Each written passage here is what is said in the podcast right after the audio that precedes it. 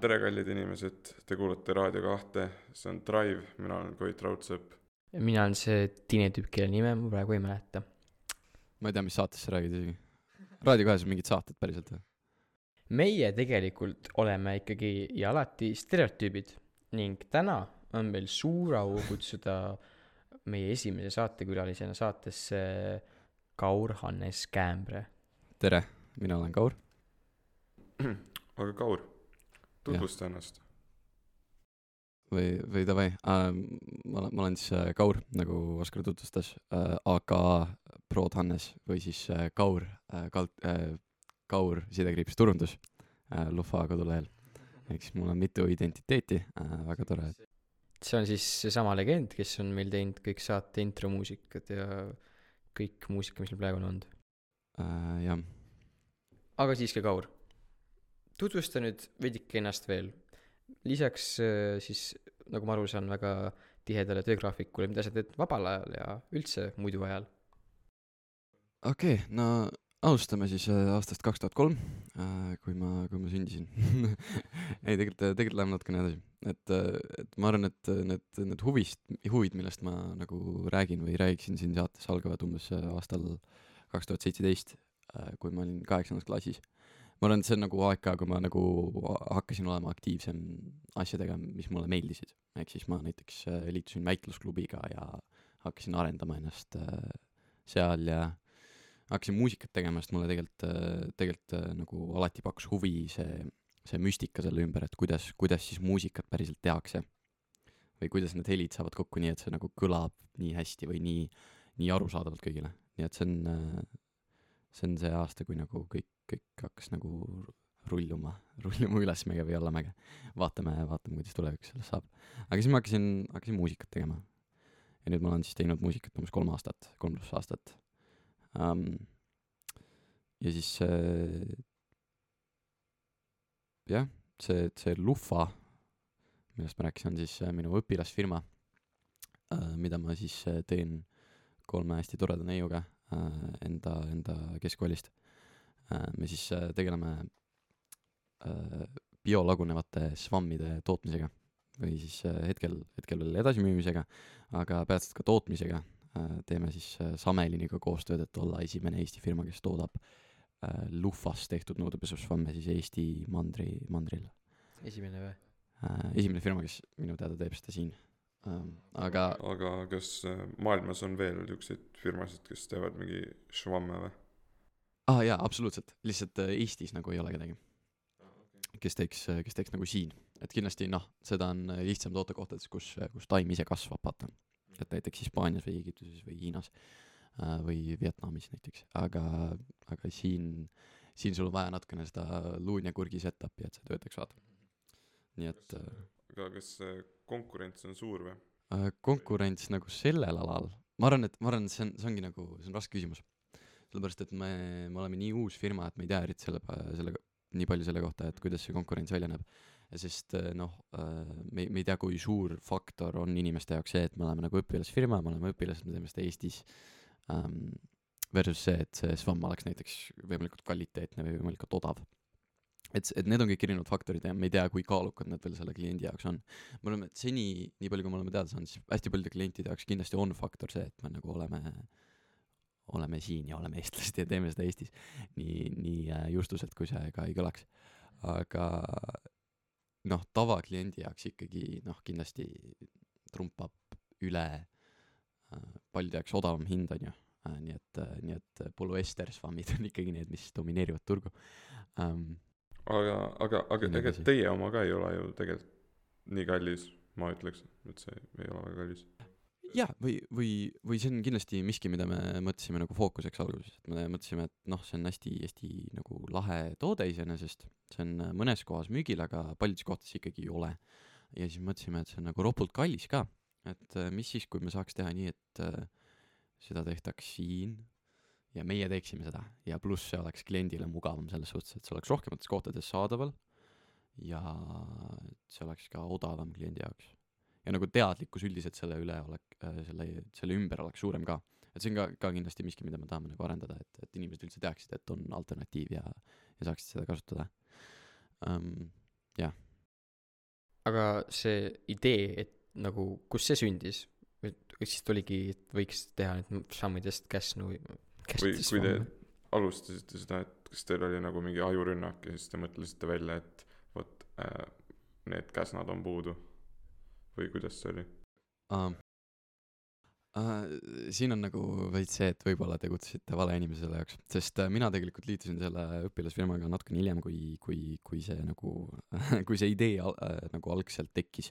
et, et kindlasti, et, et, et, et jah, et, et oli mingi idee või, või kindlasti sellele SWAM-i ideele eelnes üldine idee lihtsalt teha õpilasfirmat. Või see, või see nagu see põhimõtteline idee seda teha oli kindlasti enne seda ideed äh, toote jaoks äh,. ja siis mina liitusin äh, natukene hiljem, kui see idee oli juba välja mõeldud nagu teha SWAM-e ähm,. sest oli vaja kedagi, kes, kes oskaks nagu IT-valdkonnas arendada seda ideed. aga sinu roll seal firmas üldse nagu on see, mis nagu sinu roll selles firmas on?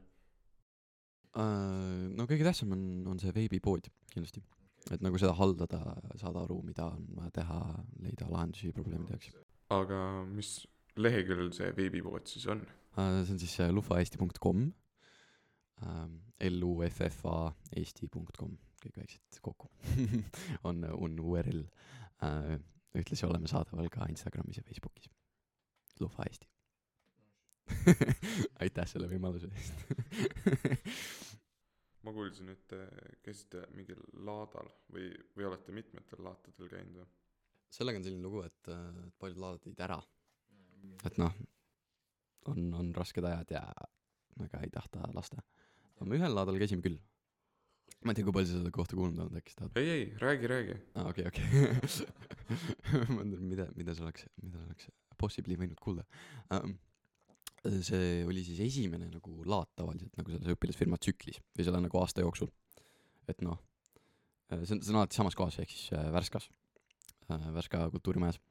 ja siis äh, olime Värska kultuurimaja laadal ja, ja vaatasime, kuidas, kuidas äh, väiksed lapsed teevad näiteks äh, seto rahvariietes seepe müüvad ja nii edasi. päris nunnu oli. aga kas te olete, ai, noh, veits äh, teised švammid on teil, aga olete mõelnud nagu koostööle või? sest saaks nagu kehaga pesta selle švammiga ja seebiga äkki. see, või kas see on väga kare ma või? kardan, et võib päris karedaks minna see kehapesemine seal. ähm, äh, sellega on see lugu, et äh, et no ki- kindlasti see näeb kare välja, see, see on kare siis, kui see on kuiv, aga kui seda teha niiskeks, siis see muutub palju-palju pehmemaks äh,. Ja no tegelikult seal on nagu pikka ajalugu sellega ka, et inimesed on nagu pesnud ennast sellega päris pikalt, näiteks äh, nendes äh, äh, kaevandusrajoonides Inglismaal viiekümnendatel, kuuekümnendatel oli päris äh, populaarne toode see no sama nagu käsnkõrvitsast tehtud svamm. et see tegelikult see, see nagu see Käsna idee, see ei ole nagu eriti uus. et see on olnud aastakümneid, näiteks äh, Nõukogude Liidus oli ka sarnane toode.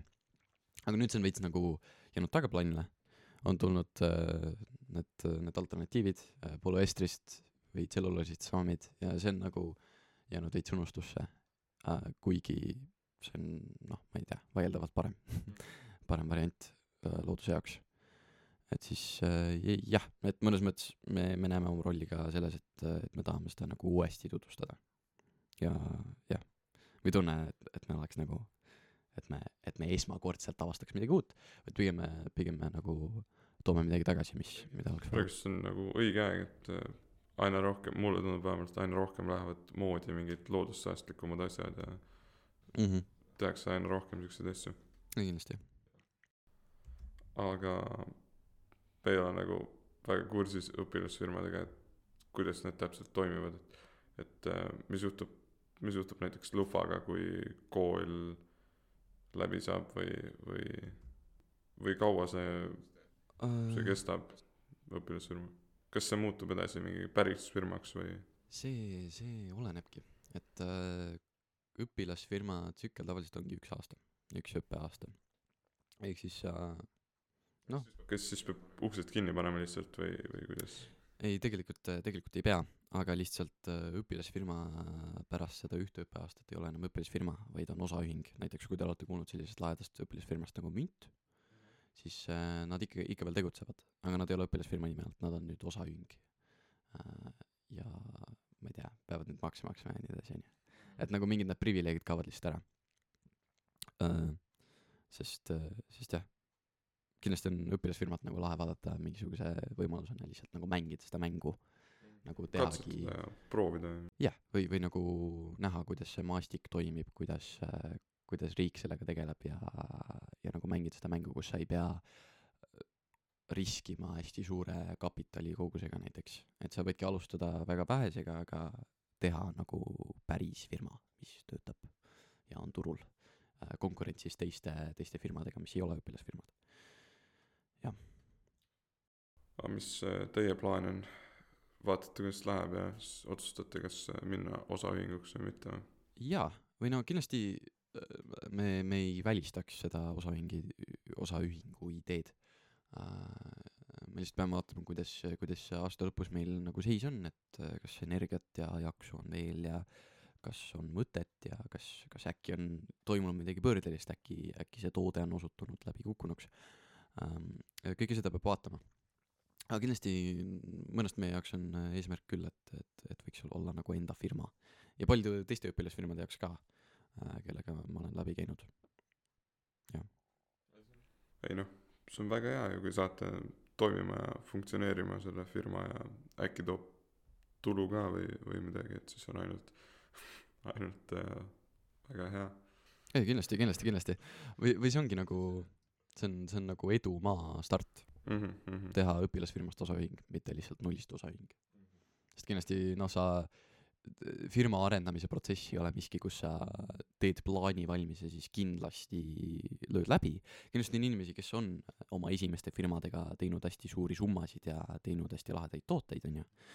aga nagu rusikareegel on ikkagi see, et sa pead äh, päriselt äh, proovima, kukkuma läbi, tegema uusi firmasid, et leida see, mis töötab.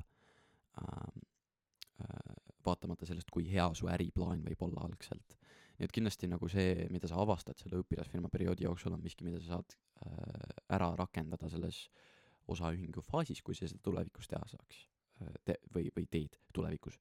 kas siis selle õpilasfirma enda näol ähm, ehk siis muudad selle õpilasfirmast äh,, õpilasfirmast osaühinguks või või siis teed täiesti uue firma. see on kindlasti miski, miski, mida sa saad ära kasutada selle jaoks äh,. sest, sest lihtsalt risk on niivõrd hajutatud, nagu makse ei ole ja äh, ei pea investoritele raha tagasi maksma ja, sest noh, olete õpilased ja noh, noored inimesed ei tea, mis nad teevad, vaata. ja nii edasi ja, ja no tegelikult nagu mingite regulatiivsete kohtade pealt ka, et näiteks, näiteks Terviseamet nii, nii teadvalt ei jälgi nagu, mis su, mis su tood on. et, et, et, et, et ma olen, ma olen kuulnud, et, et noh, no keegi, keegi vist ei ole veel seda teinud, aga kui sa oma kliendi ära müritaks, siis tegelikult ei oleks eriti suur probleem, et nagu õp-, õp-, õpilasfirma on õpilasfirma ja, ja juhtub. jah, aga mind siiski nagu hakkas huvitama, et sul on praegu see firma on ju ja siis seal tegelikult veel muusikaga ja nii edasi. aga mida sa ise arvad, mis sind nagu rohkem köidab, et mida sa tahaksid nagu rohkem tulevikus Äh. teha ja millega rohkem tegeleda? ma arvan, et mind kindlasti huvitavad mõlemad. Saab ju mõlemaga ka tegeleda. jaa, absoluutselt, kindlasti saab rakendada mõlemat, näiteks, näiteks mingisuguse ma ei tea, instrumendifirma näol või midagi sellist või muusikapoe näol või, või, või näiteks rendid stuudioid välja, see on ka äri. aga mind nagu isiklikult köidab tegelikult kindlasti rohkem muusika. et see on nagu miski, millega ma olen pikemalt ka tegelenud, miski, mis on, on alati olnud see, et ma tahan sinna võimalikult palju panustada. ja mis, mis on mulle ka kindlasti kõige hingelähedasem, et, et nagu et nagu mulle, mulle meeldib nagu orienteeruda nii, et, et mis on need sammud päevas, mida ma saan võtta, et, et mu muusika oleks võimalikult, võimalikult hea. et seda, või et, või, või et ma saaksin seda arendada nii, et see oleks võimalikult hea ähm,. ja noh, algu-, alguses see õpilasfirma nagu tundus kindlasti ajutine, et no vaatame, kuidas sellega läheb, võib-olla see ei ole ajutine, aga kindlasti see, see muusika ei ole ajutine. et, et seda, seda nagu ei ole. Ja see on, see on, see on kindlasti miski, millega ma tahaks nagu terve elu tegeleda, üks, ükskõik millisel määral. et, et noh, ma, ma nagu, ma nagu nälgivaks muusikuks ei taha hakata, aga, aga kindlasti tahan sellega tegeleda um,. nagu selle firma koha pealt mind, mind, mind kindlasti on alati köitnud ka see, see, see noh, noh, majanduslik pool. et, et mind, et, et mulle, mulle meeldib vaadata nagu seda, mis maailmas toimub, kui, kui, kui seda, et sa näiteks õpid mit-, mitme, mitut keelt. ja siis, kui sa oled õppinud mitut keelt, siis sa lõpuks saad aru, et on erinevad laensõnad, mida, mis on võetud erinevatest keeltest või näiteks grammatika on, on hästi sarnane mõne, mõnede keelte puhul. ja siis noh, mida rohkem sa näiteks õpid majandusest või ärimaailmast, seda rohkem sa mõistad ka seda, mis sinu ümber toimub. et see, et see on kindlasti nagu selline juureka moment, et kui sa lõpuks saad aru, et, et aa, nii ongi. aa, et hakkad nagu rakendama või, Jaa. näed elus seda, mis, mis sa oled nagu õppinud. no seda, mis sa oled nagu käsitlenud või, või, või nagu mille üle sa oled mõelnud. et sa nagu mõistad seda rohkem, kui sa, kui sa, kui sa õpid majandust või sa tegeled, tegeled äriga. aga sa rääkisid väitlusest ennem, et Jaa. kas sa kavatsed sellega ka edasi tegeleda või kuidas see on näiteks äh, aidanud sul äh, lufaga tegelemist või, või elus üldse nagu, kuidas see on aidanud sinust, sind? see, see on, see on hästi hea küsimus um,. ma tegelen sellega edasi praegu küll. ma küll nagu aasta alguses mõtlesin, et ma, ma enam ei taha. et mul oli nagu jaks otsas, ma mõtlesin, et, et mida rohkem ma arenen, seda rohkem kurnavaks see läheb ja, ja kuidagi, kuidagi ei taha, olen läbi põlenud ja nii edasi. aga, aga no vaieldamatult see on hästi palju mind arendanud. et, et no minu arust Jaa. nagu et, et ähm, või no minu perspektiivist kindlasti, et, et see on, et see on miski, mis, miski, mis pani mind sellisesse keskkonda, kus, kus ma näiteks ei osanud inimestega eriti samastuda, sest kõik olid minust vanemad. nii et ma pidin leidma nagu väljapääsu sellest nii, et ma ise proovin, proovin leida viisi, kuidas nendega samastuda, suhelda ja nii edasi. et noh tavaliselt tegelevad väitlemisega üliõpilased või, või gümnasistid ja mina hakkasin sellega tegelema siis, kui ma olin kaheksandas klassis. ja siis oli nagu kindlasti natukene raske alguses, aga ma arvan, et ma arenesin sellest, sellest raskusest aga sul on Ka. äkki hea eelis nende ees, kes hakkavad alles ülikoolis tegelema sellega uh,. või? no, nojah, ma, ma arvan küll. või no, või no ma hakkasin kaheksandas, kaheksandas klassis ka nagu väitlema üliõpilastega. käisin nagu klubis koos nendega ja värki um,. aga, aga selle, sellest nii palju. ma arvan, et nagu üldiselt nagu rusikareeglina väitlus, väitlus kindlasti aitab sul verbaalselt nagu areneda ja olla enesekindlam ka äh, erinevates äh, olukordades, kus sa pead kas rääkima või kirjutama millestki ja kindlasti neid olukordi on hästi palju, eriti tänapäeval vaata et, et noh, meil kõigil on suhteliselt sarnased elud selles suhtes, et me peame, peame osalema vähemalt mingil määral avalikus elus. Ja sellega kindlasti kaasneb see, et sa pead, pead rääkima inimestega, pidama võib-olla kõnesid vahel, saatma tähtsaid meile äh,, mõtlema, kuidas inimesed võtavad vastu erinevaid väiteid, kuidas nad võiksid reageerida nendele. ma arvan, et see on, väitlus on ka miski, mis on nagu arenenud, arendanud mind sellest perspektiivist, et ma olen muutunud empaatilisemaks. sa pead ju teise vaatepunktist ka nägema või, või lähenema nendele, siis kui sa oled poolt või, poolt või vastu, et äh, et äh, nii palju kui mina siis no kaheksandast klassist käisin mingil ühel võib-olla turniiril ainult äh, väitluses. Ja siis mis mind roh- kõige rohkem köitis selle juures oligi see äh, et see oli hästi lahe kuidas põhimõtteliselt väideldes sa pead ju nägema alati mõlemat poolt et äh, Mm, antakse sulle teema ja siis äh, seal sa peadki panema ennast situatsiooni vahepeal kus sa nagu arvad ka vastupidi. Et äh, just nagu väitluses ongi lahe see et sa vahepeal Mhm. lihtsalt lihtsalt pead olema kas mingile mingis teemas mingile argumendile olema selle argumendiga kas äh, nõus või siis mitte ja isegi kui sa päriselus äh, kas nõustud või mitte sa pead ikkagi nagu nägema seda teist äh, vaadet nii-öelda ja ka see, et sa pead võtma seisukohti, sa pead julgema rääkida nendest asjadest. et sa ei saa lihtsalt mõelda, et, et, et ma annan endast miinimumi ja ma eriti ei mõtle sellest teemast või ma ei süvene sellesse igast vaatepunktist, vaid sa pead seda tegema, et, et võita. Et see ongi nagu mõnes mõttes mäng, kus sa pead võimalikult palju, palju mõtlema mõlemast poolest, kuidas inimesed ennast tunnevad äh, sellest teemast mõjutatuna äh,. ja ma arvan, et see on kindlasti nagu pakkunud mulle perspektiivi selles suhtes, et, et, et ma nagu suudan näha mingisuguseid probleeme ja siis nagu mõelda, mis, mis, mis valu inimesed peavad tundma, kui nad on sellest mõjutatud. et nagu, sest, sest sageli probleemid ei ole eriti pinnapealsed, need on hästi mitmetahulised, mitmekihilised probleemid. Näiteks noh, ma ei tea, ameeriklas mustanahaliste kohtlemine pole ainult äh, see, et äh, see, mis toimub praegu, vaid sellel on kindlasti hästi pikk ajalugu, äh, mis on, mis on nagu generatsioonidest edasi kandunud selle näol, et, et, et neil ongi praegu vähem võimalusi. et jah, et sageli need, need probleemid ei ole nagu kitsad. oih, keegi helistab mulle.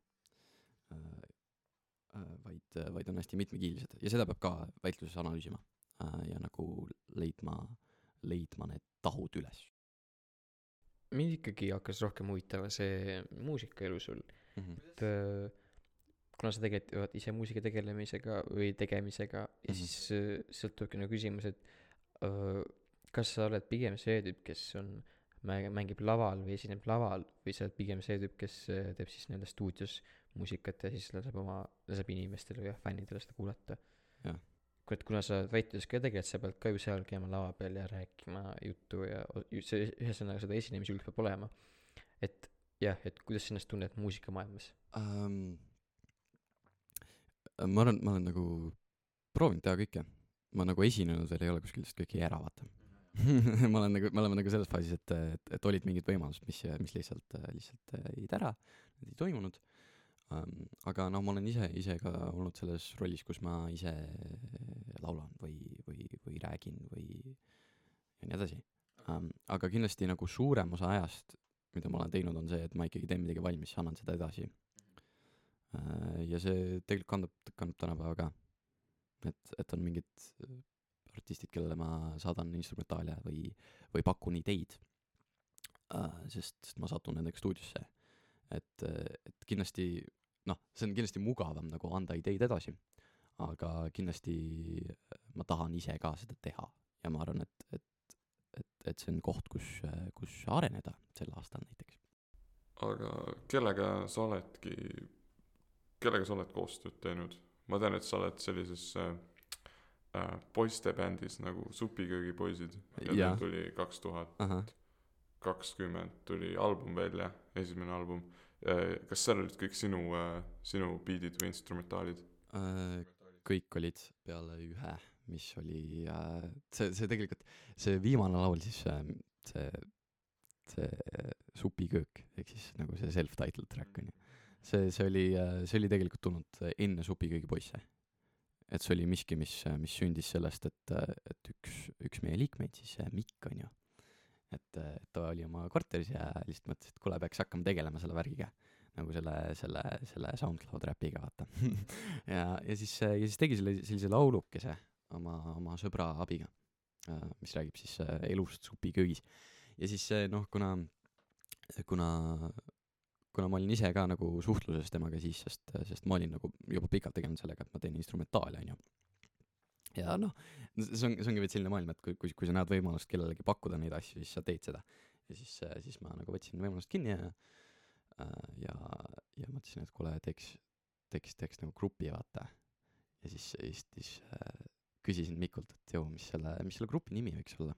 siis ta ütles, et äh, sisemajandus kogu produkt äh,. aga samas see, see, see lühend äh, tähendab äh, ka tähtede kaupa ju supiköögipoisid, ehk siis nagu skp siis kogemata või? see tegelikult, nojah, see põhimõtteliselt oli kogemata um,. et, et, et ma nagu ei mõelnud, et kuule, võiks olla nagu kahetähenduslik mingi asi. aga uh, jah, jah, see siis nagu tähendab põhimõtteliselt kahte asja. aga need äh, ülejäänud liikmed, kuidas siis nemad sinna said, et Joonas ja Mihkel on veel uh, -huh. kas nad ise kuidagi pakkusid või küsisid, kas saavad tulla ja, või te kutsusite nad kuidas see juhtus? Nad nagu sattusidki sellepärast, et äh, noh, Mihkliga ma olen alati olnud tihedas suhtluses, on ju, äh, seitsmendast alast, seitsmendast klassist alates. et siis kohtusime, me oleme seni suhelnud äh, hästi tihedalt.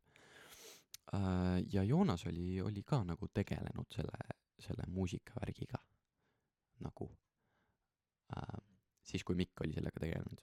Näiteks on, on, on üks laul, mis ei ole väljas, kus nad mõlemad on äh, koos, koos Steniga, Sten, Sten-Henrik Killakuga ühel, ühel lool.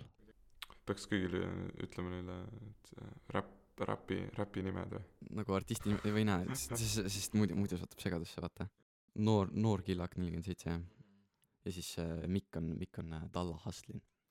siis ta oli veel Lill Seep. aga nüüd ta on, nüüd ta on muutnud oma persooni natukene. Jah aga okei okay,, sa oled siis aidanud meil SKP-d mm. mm., -hmm. siis sa oled veel aidanud Surmama Reka poissi ehk siis äh, Smurf. no, no, no äri, äri-veri, ma, nad, nad nagu tegelikult ei ole mu biite kasutanud, aga, aga ma kindlasti olin nagu selles algfaasis vaata, sest, sest et, et, et kui, kui inimesed nagu tegid neid gruppe, see nagu jaguneski kaheks, et, et mina olin siis, mina olin siis seal supiköögi poistes, nemad olid siis suurema Ameerika poistes.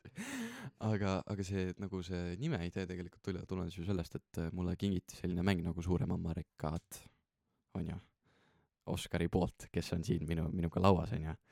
Ja siis äh, me olime, me olime sellel klassilõpureisil Slovakkias onju ja hästi-hästi pull oli, mõtlesime, et kuule nüüd, nüüd on aeg teha äh, poistebänd, eks ole, mis me paneme poistebändi nimeks.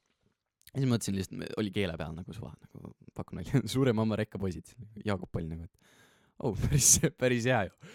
ja siis, ja siis seal oli mingisugune esteetika ka sellega, et, et, et, et nagu me olime seal bussis ja siis me, kindlasti oli, kindlasti oli janune, sest, sest temperatuurid olid kõrged, siis me hakkasime ostma Eviani nagu sellise nagu kuidagi, kuidagi sellise nagu odava fleksi esteetikana.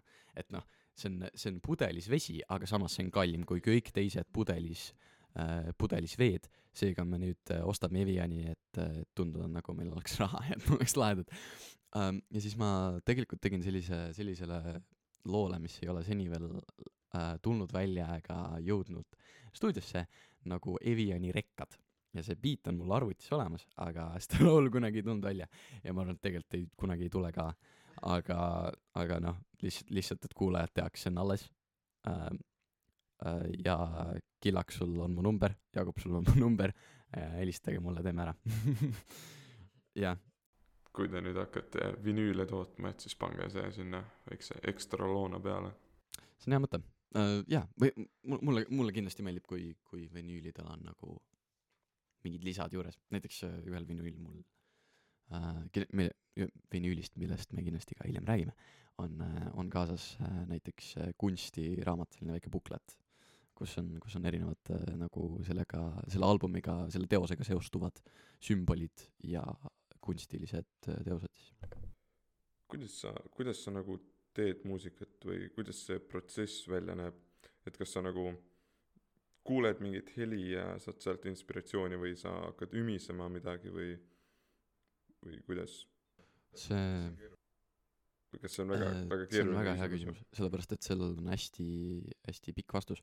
sest tegelikult äh, sellel, kuidas sa lähened teosele, on, on, võib olla nii erinev um,. jah, et minu arust on umbes neli viisi, kuidas ma teen muusikat. et, et üks on kindlasti see, et nagu ma kuulen midagi enda peas või hakkan ümisema, näiteks mul on, mul on äh, posu helifaile, mis ma olen enda telefonis salvestanud erinevatest meloodiatest, mis on mulle pähe tekkinud ja mõned neid, mõned nendest on nüüd, nüüd ka instrumentaalid või siis, või siis beat'id või siis lood, aga päris paljud ei ole. ja ma arvan, et sellega ongi see, et, et muusikas nagu enamus sellest, mille peale sa mõtled, on nagu saast. ja selleks, et, et, et saada heaks, sa peadki äh, tegema saasta, kuni see saab heaks. Et ma, ma tegelikult nagu, kui ma praegu mõtlen, et kuidas, kuidas ma arenesin, arenesin sellesse, et, et, et ma praegu nagu teen muusikat, mis, mis ma arvan, et noh, mis noh, mis noh, ei kõla nagu, kõla nagu ma oleks korraks F, FL stuudio lahti teinud ja teinud midagi, vaata. ma, ma loodan vähemalt, et, et, et, et selleks läks tegelikult hästi kaua aega ja ma nagu ei tea, kuidas ma nagu vastu pidasin selle, et, et ma nagu tootsingi saasta, kuni see muutus okeiks või millekski, mida inimesed nagu tahavad kasutada vähemalt mingil määral, onju. Ja ma arvan, et, et see ongi mõnes mõttes see, et, et sa leiad äh, nagu enda ideedele teostust või nende, nende asjade, nendele asjadele teostust äh,, mis on su peas või sa näed, kuidas see protsess kujuneb teiste, teiste inimeste jaoks. Aga noh, ma arvan, et seda ühte vastust ei ole sellele, et miks ma miks, miks ma nagu olen kolm aastat muusikaga tegelenud, siis tegelikult ma oleks sama hästi võinud nagu alla anda täiesti alguses ja mõelda, mõelda, et ma nagu ei oska okei okay., aga noh, ümin peas kindlasti on üks, üks viis, kuidas alustada, alustada lugu.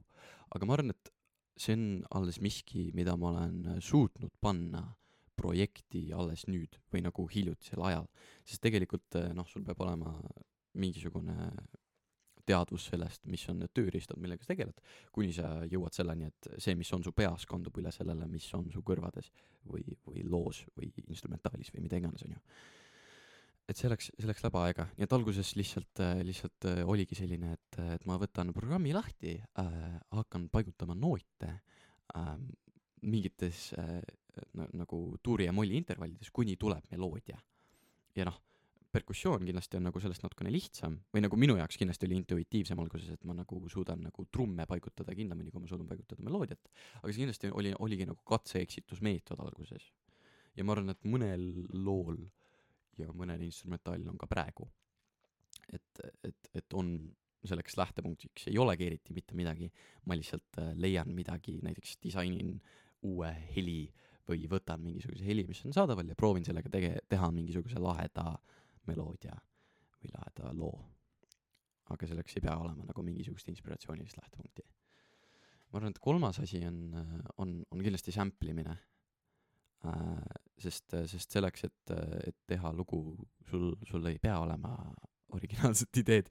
Äh, äh, või, või, või tegelikult ma ei vaata seda nii, ma, ma vaatan sample imist kui midagi, mis lihtsalt äh, või see ongi nagu, et, et noh, ma arvan, et kui me, kui me keskenduks muusikatööstuses või üldiselt äh, loomingus sellele, et sa pead kõike tegema ise, siis kõik muusikud teeksid endale ise viiuleid, kõik muusikud äh, teeksid ise endale muusika tegemisprogramme ja tegelikult muusika kvaliteet ei oleks eriti hea et ma arvan, et kui sa vaatadki nagu klassikalisi teoseid, nagu kõige nagu mõjuvõimsamaid teoseid, mis on olnud muusikas, päris paljud neist on olnud sample itud, ma ei tea, enamus Jay-Z albumeid või enamus Kanye albumeid näiteks on sample itud. ei no sample itud elementidega kindlasti onju, ja ma arvan, et see on mingisugune kunstivorm, kus saab kindlasti äh, olla hästi unikaalne. Et on hästi palju produtsente, kes tegelevad sample itega nii, nagu keegi teine ei saaks. Ma arvan, et noh, noh, Kanye on hästi hea näide kindlasti, et, et, et noh, on selline lugu nagu Power on ju, mida kõik teavad, on ju, tema albumilt My Beautiful Dark Twisted Fantasy on ju, kus ta kasutab kolme sample'it, ainult ühes loos ta kasutab kolme sample'it ühes kohas, et ta võtab ühest, ühest laulust ta võtab selle, selle trummisektsiooni, ühest laulust ta võtab selle vokaali ja siis ta selle üks, üks see mingisugune distorted, see mingi kitarr on ka võetud kuskilt. et nagu see, et sa saad neid elemente kombineerida nii, et see tundub nii naturaalne, kindlasti see on ka nagu, see vajab hästi palju talenti ja hästi palju harjutamist. ja ma arvan, et, et see on miski, mida me näeme ka. Kindlasti on selline produtsent nagu Madlib, võib-olla te olete kuulnud temast. MF Doomist olete kuulnud näiteks või viimasel ajal küll jah. mm? -hmm. ma nime olen kuulnud. no jah um,, ise, ise olen MF Doomi kuulanud päris pikalt, ma arvan, et, et, et ta oli üks, üks parimaid nagu inimesi, kes, kes või üks parimaid äh, kirjutamaks lüürikat äh, nii, et see oleks nagu samal ajal naljakas, samal ajal tõsine, samal ajal tähendusrikas. ja see, ja see kindlasti võtab oskust, aga see võtab ka head produtsenti, milleks oli Madlib paljudel, paljudel, paljudel lugudel. ja ma arvan, et Madlib tegigi seda, et ta et ta võttis sample eid ja nagu lõikas neid nii, nagu keegi teine ei teeks. et, et, et, et noh, sa võid mõelda, et sa teed nagu Mad Leap type beat'i, aga samas sa kunagi ei tee, sest see mees on praegu olemas ja ta teeb ise seda, mida sina proovid teha kümme korda paremini. sest, sest, sest ta lihtsalt teab, kuidas äh, teha sellest sample'ist midagi, mis kõlab hästi. ma arvan, et tal on, tal on vahel ka mõnel track'il ka selline nagu lähenemine, et ta, et ta võtab midagi, mis ta lihtsalt talle nagu tuleb naturaalselt näiteks tal ei ole ka probleemi sellega, et ta võtab mingisugusest sample'ist lihtsalt sektsiooni ja paneb selle kordama, aga ma arvan, et see on ka miski, mis nagu kannab lugusid ja on, on hea.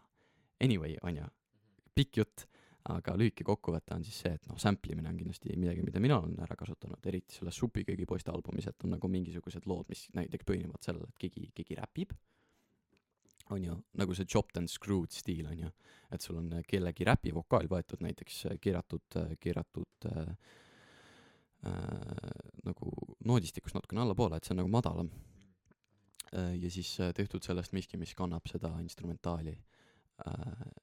Ja ma arvan, et see on sama adekvaatne viis teha beat instrumentaale laule kui kõik need teised viisid selle sample imise koha pealt mm. -hmm. minu meelest äh, võis ütelda või öelda seda Picasso, Mm -hmm. et äh, meistrid loovad ise, aga legendid äh, varastavad. on ju, et Jah. nagu me tegelikult ju saamegi näha igasugustest ka filmimaailmas režissööridelt, näitlejatelt ja mm. -hmm. ükskõik kellelt, et nad on ühesõnaga loomeinimestelt, nad on ikka ju vahepeal just sellised nagu, kes on kõrgemale saanud, kes on sellised väga tuntud ja jäävad inimestele pikaks ajaks veel meelde, nemad on ikka ju tegelikult vahetevahel laenanud kas siis teistelt legendidelt või siis mitte nii tuntud inimestelt oma ideid, lihtsalt laenanud, kui nad nägid, et midagi väga lahedat mm., siis võtavad selle, kasutavad seda nagu enda moodi ja, ja siis nad loovadki midagi täiesti uut, legendaarset ja samas ka täiesti originaalset mm.. et siin saab äh, tuua heaks näiteks, näiteks äh, Jimi Hendrixi, sest et tema tegelikult sai ka ju tuntuks mitte alg-, algul enda originaalsete teoste pärast, vaid just coverite pärast näiteks äh, selline lugu nagu All Along the Watchtower Mm -hmm. äh, on tegelikult kirjutatud äh, Bob Dylani poolt, laulusõnad ja nii edasi, aga Hendrix tegi sellest sellise võimsa cover'i, sellise enda moodi lihtsalt sellise enda energia ja kõige stiiliga. Nii et isegi pärast Dylan ütles, et mina küll kirjutasin selle, aga sa võtsid selle laulu end-, laulu endale. et äh, point ongi see, et igasugused legendid ja hästi tuntud muusikud, loomeinimesed ongi oma ideid päris tihti teistelt võtnud mm. Mhm. mm. -hmm. ja ma arvan, et noh, ma ei tea, kõige lihtsamas vormis nagu kunstis on ka sellised asjad nagu kollaažid, vaata. kui sa võtadki midagi, mis, mis on nagu olemas, aga teed sellest mingisuguse täiuslikuma vormi, näiteks. Et nä- näiteks midagi huvitavamat sa teed nendest uudistest, mis ajalehes, ajalehes on, on ju, sa teed selleks, sellest näiteks mingisuguse tausta mingi stseeni jaoks, on ju. ma arvan, et see on, et see on miski, mis, mis teeb millestki võib-olla täiuslikuma vormi lihtsalt. niimoodi hästi filosoofiliselt äh,. jah ma ei, ma ei tea midagi väga muusika tegemisest, aga mis ma ütleks, et, et inimestele meeldib äh, nagu ära tunda mingeid, mingeid sample eid lauludest, Jaa. On nagu sihuke äratundmise rõõm ja, ja mm. -hmm. see võib-olla ei ole nüüd päris see, millest Ilmar rääkis, aga siis mul tuli meelde see naljakas koht, kui Madagaskar kahes, vaata, on see üks see stseen, kus tuleb see alfa jõehobu, mis see oli, Moto Moto, tuleb välja vist sealt oma järve seest ja siis on, käib Daft Punki rihvik kusagil seal taga, et see oli selline lahe äratundmise hetk. on ju, ma võtsin su sõnad see ei ole praegu päris see, kuhu ma tahtsin jõuda selle mm, oma on ju, või, või, või see ongi nagu mõnes mõttes nagu selline taasavastamise rõõm, on ju, mida sa leiad sellest, et sa kuulad midagi, mis, mis kunagi oli, aga nüüd on nagu uues vormis, uutes kingades. ja kindlasti see on ka miski, millest rõõmu tunda. Öö, sina on ju, koostad enda kõik projektid, teed öö, Fruit Loop stuudios.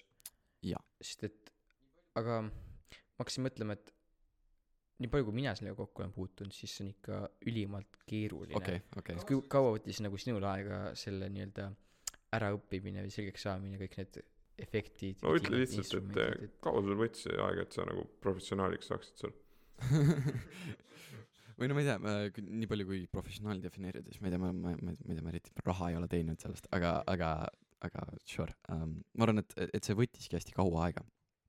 Ja see ongi nagu see, et, et, et sind peab midagi hoidma selle juures ja see ongi see, ongi, ongi see rõõm sellest, et sa teed iga päev midagi uut, miski, mis, miski, mis on nagu, nagu tugineb sellele, mis sa eile õppisid. ja arendad seda edasi ja see, ma arvan, ma arvan, et see on miski, mida ma algfaasis ka tegin, et, et ma võtsin e- eilse projekti ja tegin selle lihtsalt paremaks, sest ma tean rohkem, rohkem sellest programmist. et, et see mõnes mõttes on, ongi nagu iga tei-, teise asja puhul ongi see, et sa pead tundma huvi, mis viib selleni, et sa teed. Kindlasti mõnede asjade, asjade puhul on ka teistpidi, et sa pead milleski olema hea, enne kui sul selle vastu huvi tekib. aga ma arvan, et see, see ei ole nagu eriti kunstiliste asjade puhul tõsi, lihtsalt. sest noh, kui sa küsid ükskõik milliselt artistilt, siis talle tema pikale ka originaalset äh, originaalseid teoseid täis karjäärile ei eelnenud see, et ta oli kuskil muusikakoolis, kus teda piinati iga päev sellega, et ta pidi kõik intervallid, kõik, kõik erinevad äh, muusikalised tehnikad ö- pähe õppima, vaid ta pigem lihtsalt tahtis äh, tunda rõõmu sellest, mis on ta peas või tahtis ideid ellu viia, mida praegu ellu ei viida ähm,. et, et jah, ma arvan, et, et see nagu huvi eelneb sellele, et see oleks milleski hea. ja ma arvan, et see on ka miski, mis nagu hoidis mind selle juures äh,. ja noh, tehnilise poole pealt tegelikult noh, on olemas käsiraamat, on ju, aga kui sa seda ei viitsi lugeda, siis Youtube'is on hästi palju õpetusi ja ma ei tea, Skillshare'is on ka hästi palju õpetusi ja see ka eriti nagu kallis ei ole äh,. ja no kui, kui sul on rikkad vanemad, siis sa saad äh, osta erinevaid koolitusi või, või palgata endale tuutori Fiverrist, kes õpetab sulle FL Studiot, on ju ähm,. ja nii edasi ja ma arvan, et, et noh, FL Studio ei peagi, peagi tegelikult olema esimene asi, mida sa kasutad et näiteks äh, ma ei tea, kasuta Audacity't näiteks. Et noh, võibki mingisugused asjad võivad äh, areneda algsetest asjadest välja. ja ma arvan, et, et miski, mis, mis võib, võib, võib-olla inspireeriks sind kasutama mingisugust muusika tegemisprogrammi nagu arvutis, ongi see, et sa, ma ei tea, õppisid väiksena klaverit. ma arvan, et see on ka miski, mis nagu aitaks sul kindlasti paremini ori-, ori-, orienteerida. tegelikult need programm- või, või, või tegid näiteks, mängisid trumme või, või kasutasid äh, mingisugust äh, veidrat mänguklaverit, kus olid trummi sample'id ja ma ei tea, veider mingi kitarr, veider, veider klaver, mis, mille, mille noodid olid kassi mjaukumise hääled või midagi sellist, onju. ma arvan, ma arvan, kõik, kõik sellised alguspunktid nagu tegelikult äh, aitavad sind kaasa, sest, sest noh, need programmid ei ole ehitatud selleks, et nad oleks keerulised, nad pigem on ehitatud nii, et sa saaksid kohe aru sellest, mis sa teed või nad oleks intuitiivsed. nii et äh,, nii et jah. et mõtlen nii-öelda sinu muusika siis selliseks lõpuküsimuseks, mis on siis väga tüüpiline küsimus üldse kõikidele muusikutele. Mis sind inspireerib? sa natuke rääkisid ka Jaa, aga ma- no- no ma ma, pigem mõtlesin nagu seda, et kui oletame, et kui sa käid kusagil tänaval ringi või metsas, ma ei tea, ükskõik kus on nüüd küll neid klišeekohti, kus äh, inimestel tulevad inspiratsioon ja mõte ja nii edasi, et äh, kas sul on ka olemas midagi sellist, kas sa kuuled midagi, näed midagi, sul kohe tekib motivatsioon ja tahtmine ning ideed lendavad, et kuidas sul sellega lood on? Ma arvan, et miski, mis nagu otseselt ei tekita ideed, aga paneb sind äh, võib-olla tahtma teha muusikat või tahtma teha nagu seda mingisugust nagu, mingit nagu tööintensiivsemat osa muusikast, on, on see, et kui sa näed teisi inimesi tege-, tegemas muusikat. et näiteks vaatad kellegi esinemist ja siis mõtled, et äh, see on, see on päris lahe nagu, tahaks, tahaks ise ka inspireerida inimesi nagu laval, nii nagu tema teeb. ja see nagu kindlasti inspireerib sind nagu tegema enda mikse paremaks või, või arendama või, või, või leidma uusi ideid um,.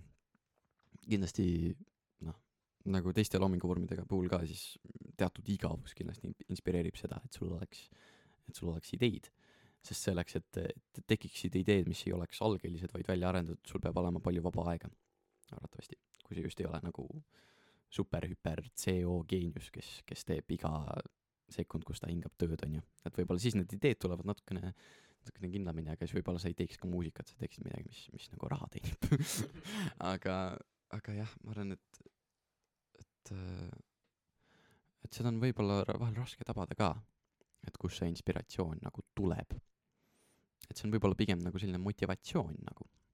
et, et võib-olla sellele inspiratsioonile sageli eelnebki motivatsioon või ma super, super palju ei ole sellest mõelnud, aga, aga, aga ma arvan, et et, et paljud ideed, mis mul tulevad, tegelikult tulenevad sellest, et, et ma mõtlen, et kui ma kohe ei tee muusikat, siis ma, siis ma olen nagu läbikukkumine, et nagu mis mõttes sa ei teinud täna kahtekümmet biiti, on ju. et nagu mine kohe tööle ja siis, kui, kui, kui ma olen juba tööle läinud ja olen natukene teinud, on ju, siis võib-olla need, siis, siis need ideed tegelikult mitte võib-olla, vaid sageli äh, tulenevad, tulevad kergemini minuni ka. peadki olema nagu Et- selles nagu nii-öelda zone'is vaata, et siis hakkab, mõte jooksma. et, et ma arvangi, et, et nagu muusika tegemise puhul äh,, et, et, et me oleme arenenud edasi sellest, et, et hobimuusikud on tänavumuusikud. et nad oskavad ühte asja hästi, väga hästi, näiteks viiulit mängida, on ju. ma arvan, et, ma arvan, et tänapäeva, tänapäeva maasikas on ju, sa saad kindlasti olla ka tänavumuusik, aga see kindlasti ei ole nii palju levinud, no ma räägingi nagu muu-, nagu ajaloo perspektiivist, et nagu kakssada aastat tagasi sul ei olnud inimesi, kes teevad iseseisvalt seda, et nad miksivad, salvestavad äh,, laulavad, mängivad instrumente ja nii edasi, on ju et, et, et nagu mingisugune asi, mis, mis, mis sind inspireerib äh,, kindlasti tuleneb sellest, et sa paned hästi palju tunde sisse sellesse, mida sa teed. ja ma arvan, see muusika puhul tõsi, hästi mitmel tasemel. et noh äh,, kindlasti kui sa õpid uusi tehnikaid, siis need inspireerivad sind ka. näiteks sa ma ei tea, saad mikrofoni endale ja et sa mõtled, et äkki kasutaks seda ära mingisuguse instrumendina, näiteks laulaks mingisugusele, mingisugusele biidile peale, nii et see kõlab nagu instrument. on ju, et on mingisugused tehnikad, kuhu sa paned aega või näiteks, näiteks õpid, õpid ära, kuidas mix ida oma laule väga hästi, on ju. mingisugused need asjad on miski, mingid asjad, mis ka inspire-, inspireeriksid sind või kindlasti mind on inspireerinud. Et jah, mul nagu sellist klassikalist vastust ei ole, et aa, mulle meeldib minna metsa ja siis ma kuulan linnulaulu ja siis mul tuleb idee, onju. kindlasti vahel on ka juhtunud, aga siis on sageli lihtsalt see, et ma ei ole kuskil arvutile lähedal või mul ei ole nagu lähedal mingisugust asja, millega teha muusikat, nii et mul läheb see idee kas meelest või ma salvestan selle üles ja siis eriti palju ei mõtle selle peale enam, onju. et, et sageli need, need ideed tulenevad sellest, et ma lihtsalt olen pikalt kuskil arvuti taga ja leian vastuse sellele, mida ma otsin. no ma arvan, et siit on nüüd väga mõnus edasi liikuda põhimõtteliselt siis teiste muusikateemade juurde, et kuna me küsisime sinult äh, enne intervjuud, et mis on sinu lemmik muusikaalbum või vähemalt, mis sulle väga meeldib, onju, siis äh, nii et ühesõnaga palun, hakka rääkima. Ähm, ma arvan, et äh, minu lemmikmuusikaalbum äh, on selline minu jaoks huvi- huvitav valik. See tegelikult see ei ole mingisugune m- mägesid lõhustav, lõhestav album, mis muutis muusikamaastikut igavesti. see on pigem lihtsalt album, mis, mis mulle oli hästi hingelähedane, sest ma kuulasin seda õigel ajal. ehk siis mingi seitsmendas klassis Äh, ja selleks on äh, Bon Iveri Twenty Two a Million. ja minu arust see on äh, lihtsalt nagu selline habras, ilus album, kus on hästi palju lahedaid elemente ja ma arvan, et see on miski, mis on nagu mind köitnud selle juurde, et, et nagu see, see ei ole nagu mingi album, mida ma kuulan sellepärast, et see on super hästi tehtud, nagu keegi mängib trumme, nagu ma ei ole kunagi neid kuulnud, vaid see on pigem see, et et äh, lihtsalt on, on mälestused, mis sellega seonduvad. see on äh, nii hea point, mu, sa Mm. ütlesid, et äh, sa kuulasid õigel ajal seda muusikat, et äh, mul on, mul on tunne, et see, need mälestused äh, ja millal me kuulame mingit lugu, et see nii mõjutab äh, seda, et mis me arvame sellest muusikast Mhm. et äh, ma arvan, et äh, minul ja tegelikult ka teistel, et äh, kõigi mingit muusikamõistet on mõist-, mõjutanud mingi, mingi mälestused ja, jah, ja, ja, ja millal me kuulasime mingit, mingit muusikat. et on nagu see nostalgiline faktor, vaata. et ma arvan, et mul kindlasti oleks nimetatud nagu hästi palju albumeid, mis on nagu catchy mad või nagu paremad lihtsalt tehniliselt kui Twenty Two Million, sest on nagu mõned, mõned laulud Twenty Two Millionist, mis on, mis ei ole nagu super hästi miksitud, näiteks, näiteks äh, track kaks äh,, millel on imelik nimi, Death Breast jah, jah, see on, see on, see on, see on see huvitav nagu mingisugune tramm, trummikruuv, mis, mis on äh, niimoodi distortitud, et seal on hästi palju mingeid madalaid sagedusi, mis natukene segavad võib-olla, on ju. et, et, et on mingisuguseid aspekte, mis ei ole sellest perfektsed, aga minu arust see teeb selle veel paremaks. et see ongi selline nagu habras. et jaa, kui, kui mina seda albumit kuulasin, siis et no okei okay,, esimese asjana ma sain aru, et mul ikka päriselt kõlaklapid onju. Mhm. see ja, aga igatahes, mis kuidagi meelde jäi, ongi see, et kuidas ta mängis Mhm. nende instrumentidega ja rütmiga üleüldiselt, et lugu hakkas nagu sellise Mhm. üh-, ühtemoodi sellise tooni või kuidagi teemaga, ja siis kuidagi transformeerus üle mingi, mingiks täiesti muuks asjaks, mis ei olnud alguses mm, -hmm. et see kuidagi see, ta oskab seda mängulisust tuua muusikasse minu meelest ikka küll. et äh, igasugused mitmehäälsused äh, mm,, ma ei tea, te-, tempo tõuseb, tempo aeglustub, hääl läheb kõrgemaks, madalamaks või nagu valjemaks ja vaiksemaks et see oli kuidagi, seda ma panin hästi tähele, et see oli ka veel lahe, kuidas ta pani need mõned kohad nagu laudes läägama põhimõtteliselt mm, -hmm. selline nagu lääga, läägamisefekt, nii et ma vahepeal isegi kontrollisin oma kõrvaklappe või telefoni, et kas kõik on ikka korras ja sain aru, et asi on lihtsalt selles laulus endas, et et jah, see jäi meelde küll selle albumi juures. jaa, mulle, mulle ka nagu super palju meeldis see, et ta, et, et, et ta ei proovi nagu teha enda magnum opust, vaid ta pigem lihtsalt tahab teha, mis tal, mis tal nagu südames on. arvatavasti on ju, no ma ei tea, aga prolli um,. jah, või minu arust ta miski, mis, mis, mis teeb selle pro- projekti hästi ilusaks, on, on see, et ta kasutab hästi palju enda häält ära. nagu mängib enda häälega hästi palju, onju. näiteks see, see, see kolmas või neljas lugu, see Creeks onju, et ta kasutabki seal mingisugust veidrat vocoderit või mingisugust hästi lahedat efekti. tegelikult ma, ma, ma, ma, ma nagu tean veits sellest efektist ka, et see on, et tegelikult vist nagu see oli algselt mõeldud mingi, mingile Kanye projektile. Sest üks, üks äh, produusser, kes käib Kanye'ga suht palju läbi, Francis and the Lights on ju, käib ka, käib, käib ka päris palju läbi Bon Iveriga või siis Justin Vernoniga, kes on see laulja on ju. ja siis äh, ta arendas välja nagu sellise laheda nagu sellise laheda engine'i, mis võtab erinevaid, mis tekitab nagu laivis erinevaid harmooniaid.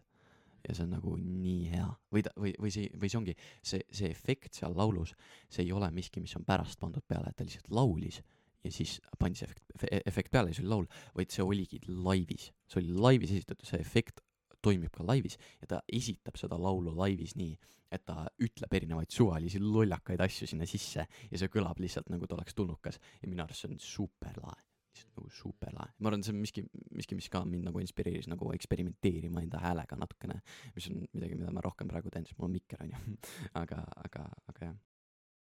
see äh, John, John Vernon Justin Vernon ah,. okay.. Mhm. kas ta on äh, üksi seal bändis või kas seal on keegi veel või kuidas?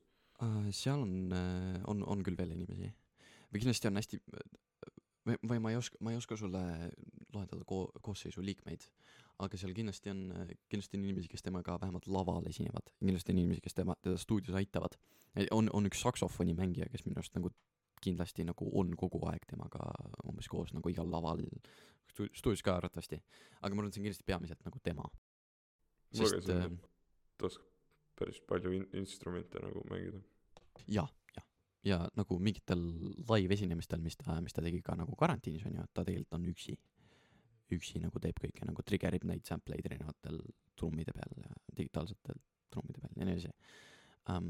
ja kuigi esimene album selle äh, ansambli poolt Bon Iver tegelikult äh, oligi ainult tema poolt lindistatud, mängitud, miksitud ka ja nii edasi uh,. ja seal on hästi lahe lugu ka tegelikult või see on hästi nagu klišee lugu, ma, või ma arvan, et see on mingisugune lugu, mis tegelikult muutuski klišeeks sellepärast, et see juhtus temaga.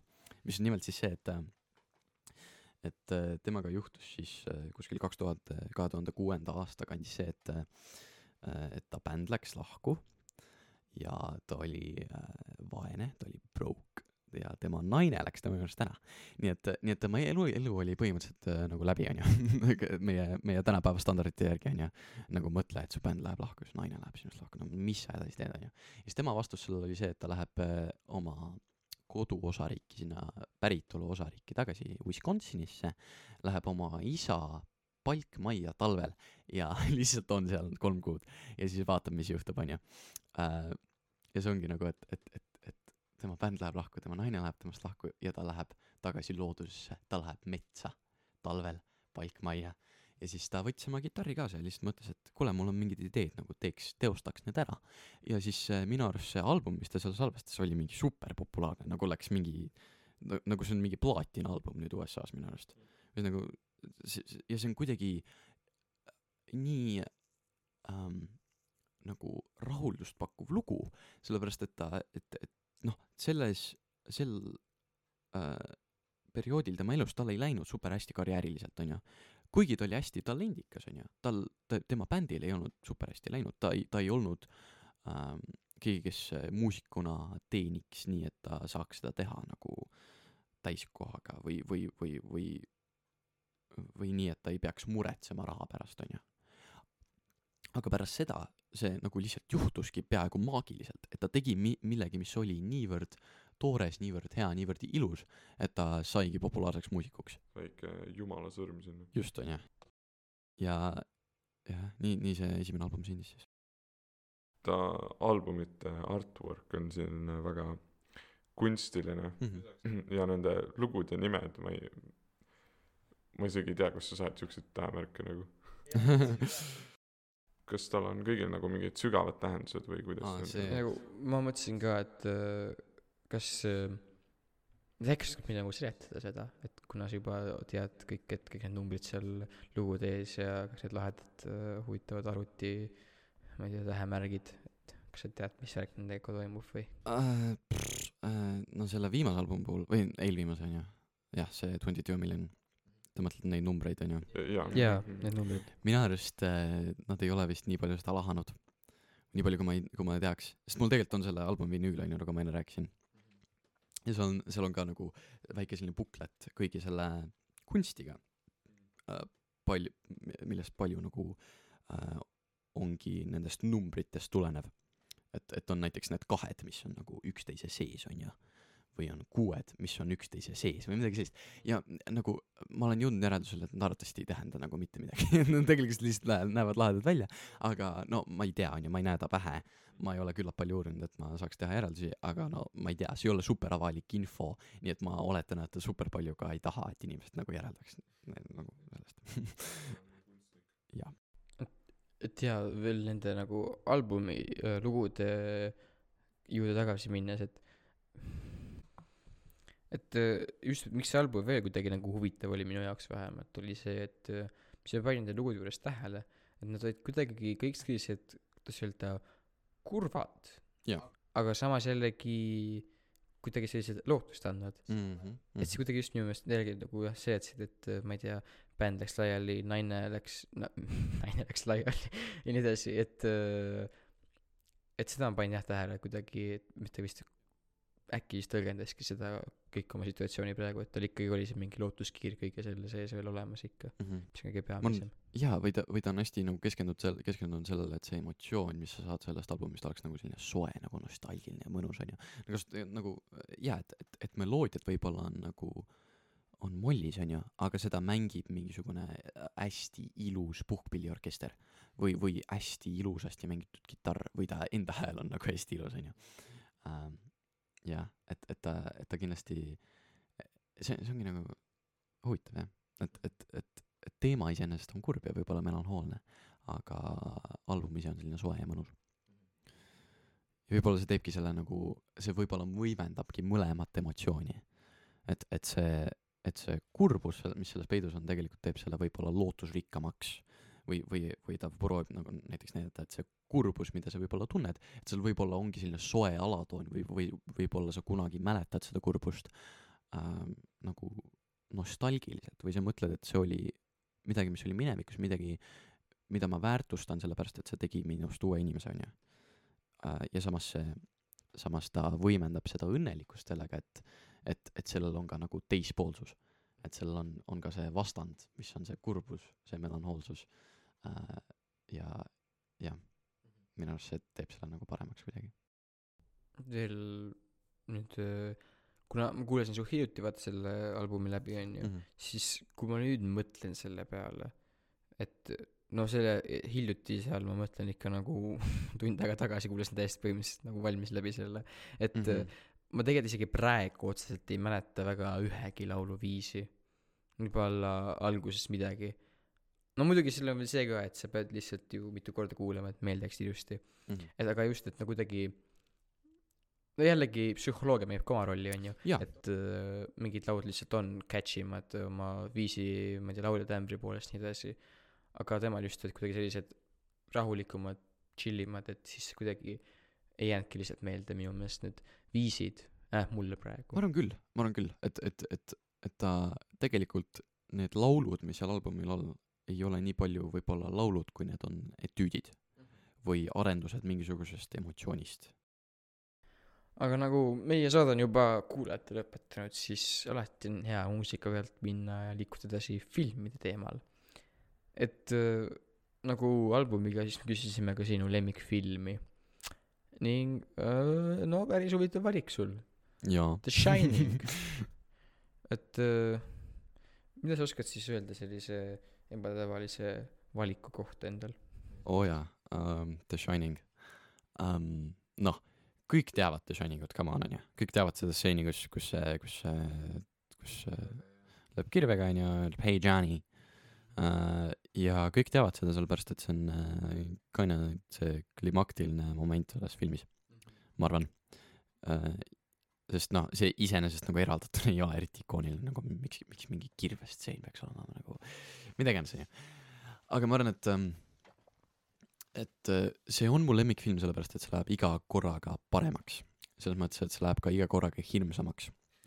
sest ma arvan, et seal on hästi palju vihjeid sellele, kuidas see, mis selle näitleja nimi on nüüd see äh, Jack Jack Jack Jack Nic- issand jah Jack Nicholson jah et on hästi palju nagu vihjeid sellele kuidas see tegelane areneb onju et on nagu on see mingisugune keel ja siis see et see nagu koht kus nad kus nad on et see on nii imelik.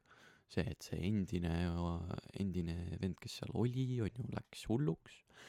Ähm, ja kindlasti nagu sellest perspektiivist see on ka läheb iga korraga paremaks et et saab analüü- analüüsida rohkem nagu Kubricku stiili sest tegelikult ta ta ta teeb hästi selgeks algusest peale et kõik läheb täiesti perse nagu et kõik läheb läheb väga halvasti äh, täiesti algusest peale.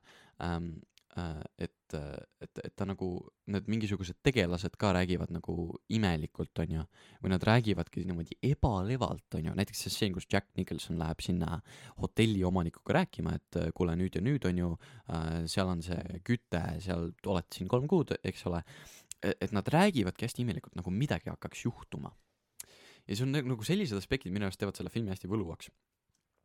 Et kuigi see on kuigi see on hästi et et see on nagu suht selline võigas hirmus film kus juhtuvad imelikud asjad siis see siis see läheb nagu iga kord imelikumaks sest sa lihtsalt märkad rohkem asju selle kohta.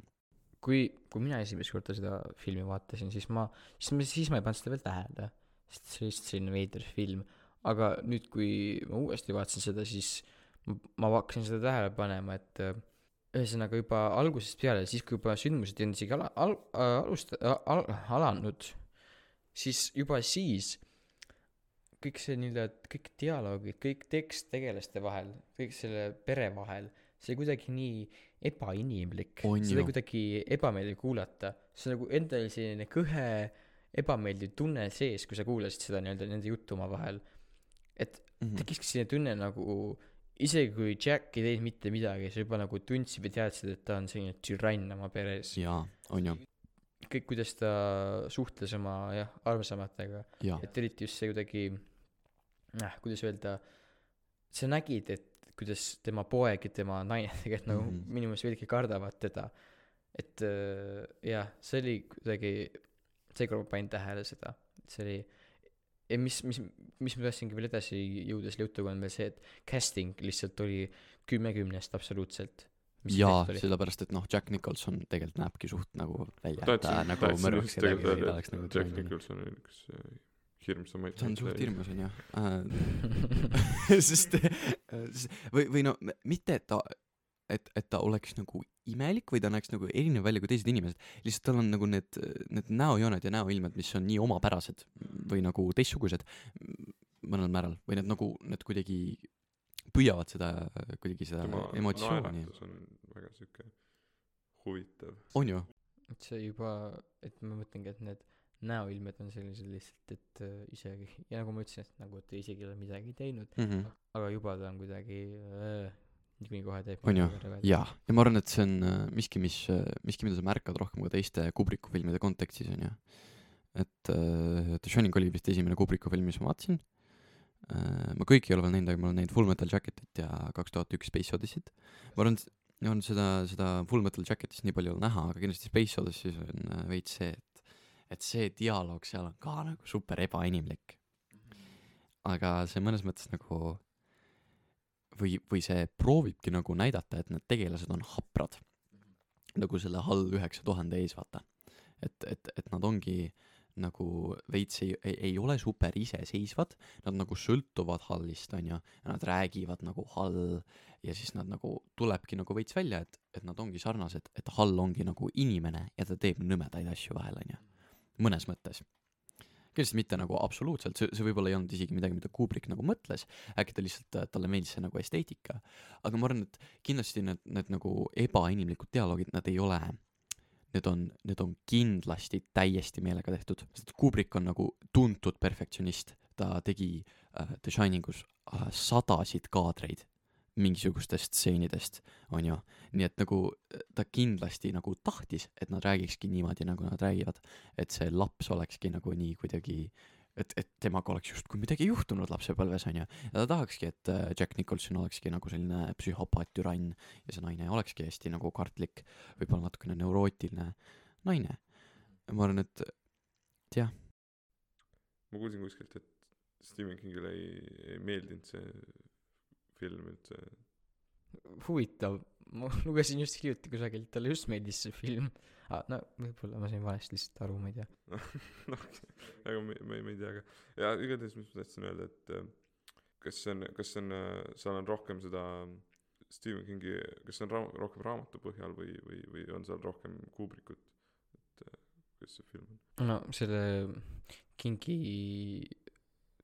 poolest, et mis, mis ma sain teada sellest, et raamat, raamat pidevalt lõpeb niimoodi, et kui Jack sureb seal labürindis ära, onju, siis äh, lendas see hotell, sest et ta kuulutas seda boilerit seal põhimõtteliselt kontrollida ja vaos hoida, siis see hotell lendas õhku ja põhimõtteliselt Jack suri koos selle hotelliga ära.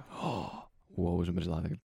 et äh, aga siis ma hakkasingi mõtlema, et filmis minu meelest rohkem tuli välja või siis ma just eksingi, kas siis filmis tuli rohkem välja see Kubriku idee sellest loost või see on ikkagi see Kingi põhimõte, et äh, huvitaks need erinevad nagu raamat ja film, sest et äh, nii palju, kui mina sellest nii-öelda loost aru sain või, või sellest põhimõttest üldse, mida siis Kubrick üritas öelda, et minu meelest see nagu teema seal oli perevägivald koduvägivald. kuidas äh, Jack oli siis oma pere vastu kuidagi lihtsalt selline, lihtsalt oli põhimõtteliselt selline passiiv-agressiivne nende vastu ja seda oli kuidagi, nagu ma just rääkisin, hästi kuidagi ebameeldiv teda vaadata, nii edasi, kõik see asi. nagu mehe türannia või jaa, see kindlasti nagu väljendub hästi paljudes stseenides, et, et, et noh, arvatavasti Jack Nicholsoni tegelane, mis iganes ta nimi oli, ma ei mäleta, ma olen tükk aega tegelikult Jack on ju, ma olen tükk aega The Shiningut tegelikult vaadanud, aga see mulle meelde jäänud kindlasti, sest ma olen mingi kolm-neli korda vaadanud seda. Et noh, ta tegeleb, no ma arvan, et ta ise ka saab aru, et ta tegeleb mingi täiesti mõttetu asjaga, et ta nagu te- tipibki selle typewriteri peal päevad läbi mingit kuradi mõttetut löga välja, aga ta ikkagi terroriseerib oma naist, et ta ei segaks teda siis, kui ta teeb seda, onju et ma arvan, et see mõnes mõttes väljendabki rohkem võib-olla seda Kubricki arusaama sellest loost. ma ei ole raamatut jällegi lugenud, aga ma arvan, et Stephen King ei kirjutaks koduvägivallast raamatut nii palju, kui ta lihtsalt ei kirjutaks lugu, mis oleks hirmus. nii palju, kui ma olen lugenud, siis Stephen King kirjutab suhteliselt nagu lihtsalt minu meelest. või no ta, jah, et tal ei olegi nagu võib-olla nagu sellist nii sügavat mõtet igas loos, aga just nagu see um, hirm, mis on nagu seal mängib tema roll. jah, või mm -hmm. et, et, et lihtsalt need lood ise on nagu või ma arvan, et, et mingisugused need horror klišeed ongi nagu tulnud nagu sellest Stephen Kingi loomingust. et, et jah, ma ei tea. Ma ise lugesin seda The Misti on ju kunagi Stephen Kingi oli hirmus või? no mul oli lihtsalt, ma olin väike, kui ma lugesin seda, aga siis nüüd, kui ma mõtlen, siis see on nagu, see, see ei olnud nagu, see oli hästi veidralt üles ehitatud, et see oligi pigem, see ei keskendunud üldse sellele koletisele äh,. mõnes mõttes see oli, võib-olla oli ka nagu teadlik valik, et, et, et, et see oligi, et aa, sa ei tea, kes see koletis on, see teeb selle, see teeb, selle nii palju hirmsamaks, on ju, kõik inimesed kardavad teda. aga tegelikult nagu äh, ma arvan, et, et me ei avastanud eriti midagi selle raamatu jooksul.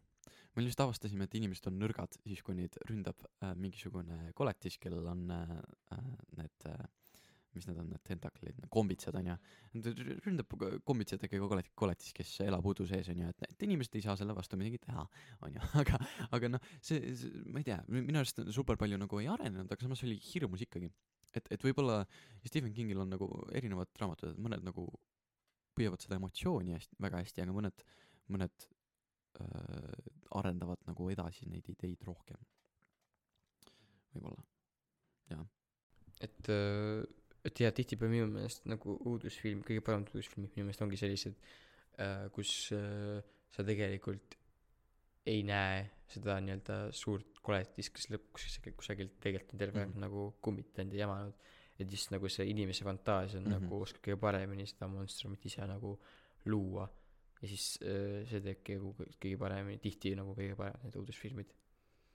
kui mul õigesti meeles on, siis äh, ma lugesin seda Children of the Corn'i ja seal oli samamoodi nagu seal, et seal maisi sees on midagi, mingi koletis või koll, aga otseselt me ei näinud seda, et kogu aeg nagu oli midagi, et tegelikult jaa, tegelikult ei tulnud ta- ta välja sealt otseselt, aga kogu aeg, et midagi, midagi on seal maisi sees, aga me ei tea.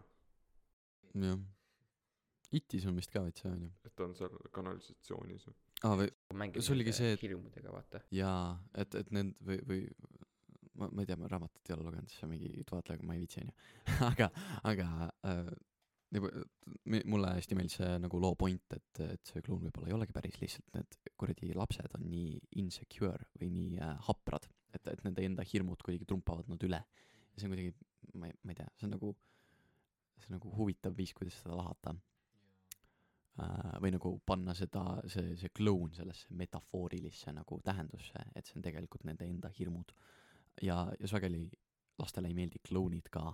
Nii et äkki äkki see ongi miski nagu perfektne kehastus sellest nagu ebaratsionaalsest hirmust Piibu ja Tuudu äh, aktsiad lihtsalt kukkusid oi oi oi jaa mulle meeldib kuulda veel neid nii-öelda teooriaid selle filmi nii-öelda siis tähenduse kohta muidugi Kubrick ise seda öelnud ei ole aga paljud kuidagi usuvad seda et eh, ta üritab selle filmiga rääkida siis indiaanlaste Aa, tagakiusamisest jaa. Ameerikas et kuna see hotell ise on ka ju üles ehitatud äh, indiaanlaste matuse mm. -hmm. paigale ning mm Mhm. -hmm. seal on see üks stseen kus siis see veri liitrites lihtsalt verd lahmab seal koridoris kusagil vaata onju ja siis äh, see ongi just nagu selline indiaanlaste veri mida siis nagu need kurjad ameeriklased tulid ja lõid kõik maha mis nad nägid siis põlisameeriklased lõid maha lihtsalt ja selline teooria. Kindlasti nagu see klišee et vaata nad on nagu matmispaigal ja siis kõik läheb halvasti vaata. Et ära ära ehita hotelli matmispaigale sest muidu muidu Jack Nicholson muutub äh, psühhopaatiliseks mõrvariks vaata. Või siis või siis see klišee kus äh, sa juba tead et sul on olemas väike laps kes räägib oma sõrmega nii et siis siis juba tead et ära võta teda kusagile kaasa või ma ei tea viska üldse kusagile minema. Ära nagu mine mine teraapiasse oma lapsega eks ole. Vot Harimatil oli mingi äh, mingi äh, stand-up'i bitt sellega et äh, ta vaatab hästi palju õudusfilme ja võtab täiega tõsiselt neid ja siis äh, äh, alati õudusfilmides on see äh, teemon või midagi on mingi väikse lapse sees või või või mingi antikristus on mingi väike tüdruk onju. Ja siis äh, kui ta saab tütre endale siis äh, lihtsalt kotti ei jõkke tuledki mingi mingi tuppa ja vaat- vaatad et äh, tü- tütar istub mingi näoga seina poole ja pobiseb midagi siis sa oled nagu davai nüüd on minek. Ja siis naine on nagu et ta õppis vene keelt mida sa teed. Nojah ma ei tea Harimati ei oska ju vene keelt ta oskab soome keelt. Nii et äh, loogiline kah ma ei tea. Ma ma küll ei saaks aru kui keegi räägiks mingist äh, advanced vene keeles kuskil seinaga ma ei saaks aru et see oleks vene keel ma mõtleks et see oleks mingi veider salakeel nagu mis nagu mulle mis ma juba tähele panin mis mulle meeldis veel selle filmi juures oli see et seal puudusid suurem osa selliseid nagu tüüpilisi igavaid äh, õudusfilmide nagu klišeesid. Et äh, mis seal oli näiteks lõpus on ju tegelikult see ema ja poeg saavad minema. Mhm. no eh, spoiler alert juba liiga hilja ütlesin muidugi seda. Siis äh, siis Jack on ju sureb seal äh, laborites ära. Et see on kuidagi see et tavaliselt et noh õudusfilmis kõik pekki on ju aga seal nagu oli kuidagi ühesõnaga teistmoodi. Ja siis äh, no okei okay, vajutati see et must tüüp sureb alati esimesena on ju see oli ikka alati see. Muidugi jah. Et jaa ei no midagi väga rohkem tahaks lisada et mis ma just nagu mõtlesingi et miks see tegi nagu selle filmi teistest õudusfilmidest paremaks ongi just see kuidagi see et see puuduvad sellised mõttetud mingid jumpscare'id sulle näkku lihtsalt mis lihtsalt nagu ehmatama panevad on ju need on nii magedad igav minu meelest. Aga seal kuidagi see oligi see et see oli lihtsalt terror terve aeg tegelikult selline surus nii-öelda peale. See oligi psühholoogiline film vaata. Ma arvan ma arvan see see nagu film meeldib mulle nii palju ka sest see ei ole nagu et et sa vaatad õudus no ma arvan et inimesed nagu vaatavad õudusfilme et et neil oleks nagu hirmus vaata aga sa ei vaata The Shiningut et sul oleks hirmus sa vaatad seda sest see on hea film. Või see on hea nagu psühholoogiline lah- lahkamine sellest tegelasest onju. Um, jah. Mul mul endal on nagu meeles üks see stseen kus see naine põgeneb ja siis või keegi põgeneb kuskil onju ja siis ta teeb ukse lahti ja seal on kaks furrit. Kas sa mäletad seda stseeni sellest filmist? Seal oli üks furry minu meelest. Või seal oli okei okay, seal oli üks furri ja üks mingi mees onju ja nad olid vist seksuaalvahekorras ja ma ei aga ma üldse ei mäleta või või ma ei oska nagu üldse lahata seda stseeni ja ma ei tea mida see tähendab ma ja see kinda häirib mind mm, ja ju- ma nägin seda stseeni siis ma ei no ei saa mitte millestki aru Mhm. onju siis äh, see on ongi vist äkki see on lihtsalt ma ei tea mingi stiili küsimus või mingi hirmu, et see on lihtsalt väga, väga veider, vaata, selline asi juhtub. aga jällegi, ma ei tea, võib-olla miks see kaalukaustiimis just oli, et see võib igasuguseid asju tegelikult jälle, ma ei tõlgendada ja näha. mm.. mingi ebanaturaalsus ootamatus kohas, see võib ka. jaa. võib-olla aga no siiski mm, ma jäin siiamaani siiski mõtlema sinna nii-öelda hotelli pallitoa peale mm., Mhm, mhm. et äh, see on see üks minu arust üks veidramaid kohti. ma saan aru, et seal on nagu erinevaid tähendusi ja nagu mõtteid, et aga ma ikka ei saanud nagu juba täis, täit pilti sealt kätte. Et ma saan aru, et see ongi just nagu selline mm, Mhm. kuidas öelda, see hotell nagu räägib või nagu suhtleb temaga seal. Aga see on minu meelest nagu oleks midagi veel jällegi võib-olla ma ütlen üle ma ei tea. Kuidas ma siis nagu hakkasin uurima veidike seda asja ja ühesõnaga pärast äh, tuleb välja et paljud arvavad seda et terve see terve see film tegelikult võib olla seotud mingi Illuminaati või vabamüüliste asjaga. Et äh, kuna see vist see see on ma ei tea ma ise ei võtaks neid tõsiselt aga jällegi et seal palliruumis mainiti et äh, pallitoa pikkus on siis mingi thirteen feet ja samuti ka see nii-öelda see labürindi pikkus on vist sama suur või, või laius või aa, jah, see kolmteist on halvnumber, vaata. mingi värk oli seal selline teooria jälle okei okay. palju mingit äh, mõtteainet kõigile.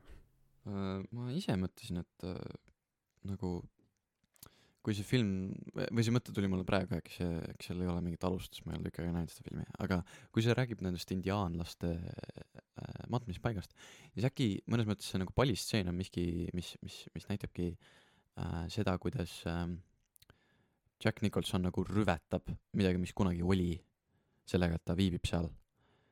Ja siis nagu see palliruum on miski, mis kunagi oli seal hotellis enam ei ole, sest on talv või seal ei tehta enam neid pidusid. samamoodi nagu see kunagi oli indiaanlaste matmispaik, aga enam ei ole, see on hotell onju. et äkki see on sellega kuidagi seotud või äkki need palliruumis osalejad on kuidagi nagu inimhinged, nad on pannud nagu sellisesse naturaalsemasse keskkonda, kus nad nagu oleks selles hotellis, vaata. sest arvates sa ei näeks hotellis nagu indiaanlasi, jaa või see oleks nagu out of place, kui see oleks seal jaa arvatavasti. jaa jaa aga, aga nad on nagu kehastunud nendeks inimesteks. Äh, aga ühesõnaga Doctor Strange et äh, mis peaks olema vist mingi selline nii-öelda järg Shiningule um, aa, seda ma ei ole näinud. seal minu meelest selle palliruumi oot-oot, kas, kas kindlalt see on Doctor Strange, Doctor Strange on ju Marveli film. doktor, doktor. aa jaa, Doctor Sleep, jaa, jaa, jaa. no jah doktor doktor see doktor Sleep doktor Sleep doktor Sleep äh, igatahes äh, siis seal on ka see pall äh, nad on seal ühesõnaga Jacki siis see poeg kes on nüüd suures kasvanud keda mängib Evan McGregor on sattunud sinna samasse palliruumi ja ja siis seal vist ta kohtas siis sedasama Jacki nii-öelda kes siis and- andis talle isegi mingi joogi vist seal nii-öelda oli baarimees nii et ma ei tea võib täiesti vabalt olla mingi inimhinge ja värk super veider, see on kuidagi hästi või, või miski, mida see film tahab mulle öelda, et see on hästi selline nostalgiline koht selle peategelase jaoks nagu.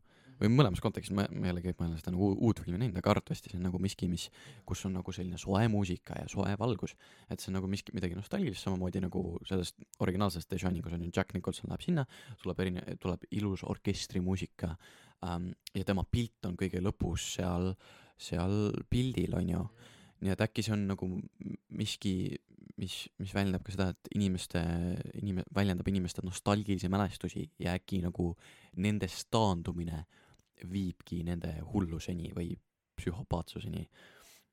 et, et siis, kui nad on nagu äh, hästi kaua eemal sellest, mida nad nooruses näiteks tegid, äkki neil on kesk, äkki Jack Nicholsonil keskeakriis ja siis ta oli nagu, et, et kunagi ma tegin nii lõbusaid asju, ma jõin oma sõpradega viskit palliruumides, aga ma ei tee seda enam, nii et nüüd ma olen kurb ja nördinud ja ma tapan oma naise ja lapse ära, onju. aga samas no ma ei tea, see pilt seal lõpus võib vabalt olla ka lihtsalt see, et aa, see hotell sõi ta ära ja nüüd ta nägu on seal keskel, vau, onju.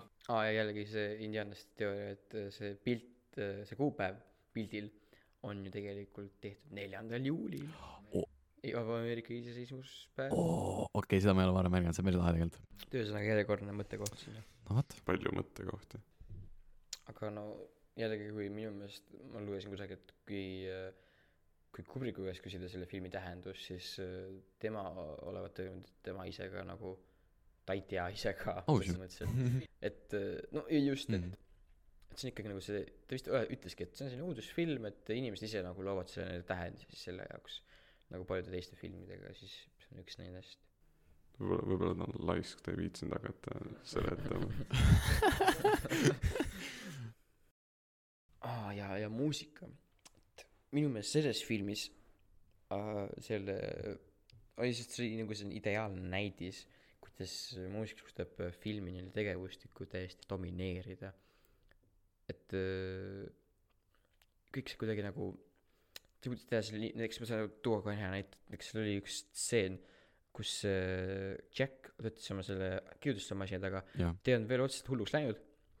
Oligi see et aga see viiuti muusika ja need kõrged kõrged helid läks kogu aeg nagu veel nagu ähvardavamaks kuidagi hirmsamaks ja siis ja siis Jack viis lihtsalt nagu lõi korra käega või vastu lauda midagi sellist tõstis mingi paberi ära ja siis tuli mingi see oligi selline nagu puh, Mhm.